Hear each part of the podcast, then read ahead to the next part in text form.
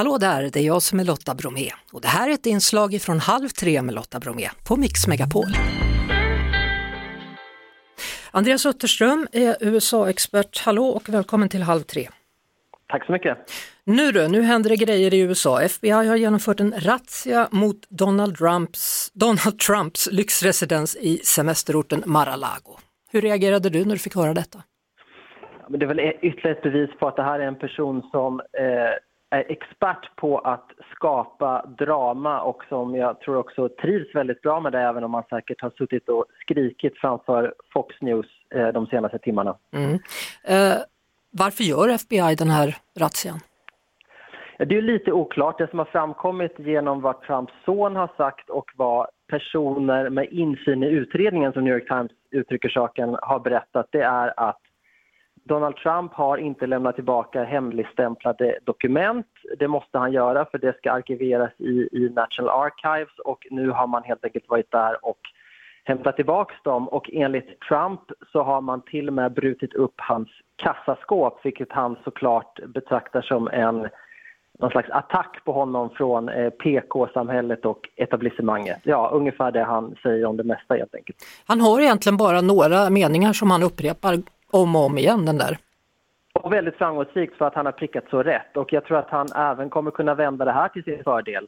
Därför att eh, han har fångat upp en, en eh, befogad ilska som finns i USA och alla attacker mot honom blir då, eller attacker, utredningar, eh, politiska motståndare som säger saker. Allting kan han samla ihop och säga att det här är en attack, inte bara mot mig utan mot er vanliga amerikaner som jag kämpar för. Mm.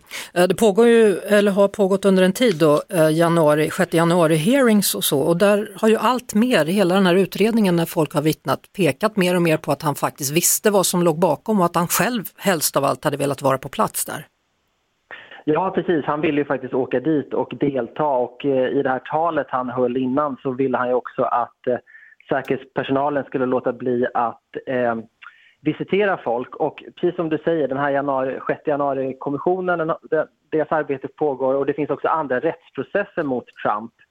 Mm. Eh, att han har eh, ekonomisk brottslighet och, och andra saker. Så att jag tror att och det här som sker nu är ju någonting annat, men jag tror att för den vanliga Trump-supporten så är allt det här liksom ett. Mm. Jag tror att man klumpar ihop det i sitt huvud och tänker att ja, men det här är ett bevis på att Donald Trump har rätt. Eliten, PK-medierna, alla är ute efter oss därför att Donald Trump har rätt men ingen vågar erkänna det och eh, de uppskattar inte en person som säger det andra människor tänker rätt ut. Så vad tror du, kommer Donald Trump att ställa upp i nästa presidentval?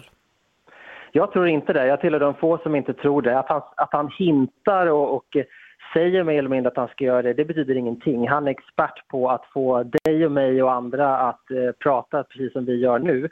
Jag tror att eh, skräcken över att förlora igen, att bli en loser, det värsta Donald Trump vet är för stor. Mm. Men om jag nu har rätt så måste han hitta ett bra skäl för att inte ställa upp och den nöten har jag inte knäckt. För att är det någonting som Donald Trump absolut inte skulle säga så är det att han är rädd för någonting. Oavsett om det handlar om att förlora ett val eller någonting annat. Men han är mästare på att klara sig ur kniviga situationer så att han kommer nog lyckas även med detta om det visar sig att han inte ställer upp. Andreas Utterström, USA-expert, tack för att du var med i Halv tre med Lotta Bromé i Mix Megapol. Ett poddtips från Podplay. I fallen jag aldrig glömmer djupdyker Hasse Aro i arbetet bakom några av Sveriges mest uppseendeväckande brottsutredningar går vi in med hemlig telefonavlyssning och, och då upplever vi att vi får en total förändring av hans beteende. Vad är det som händer nu? Vem är det som läcker? Och så säger han att jag är kriminell, jag har varit kriminell i hela mitt liv men att mörda ett barn, där går min gräns. Nya säsongen av Fallen jag aldrig glömmer på Podplay.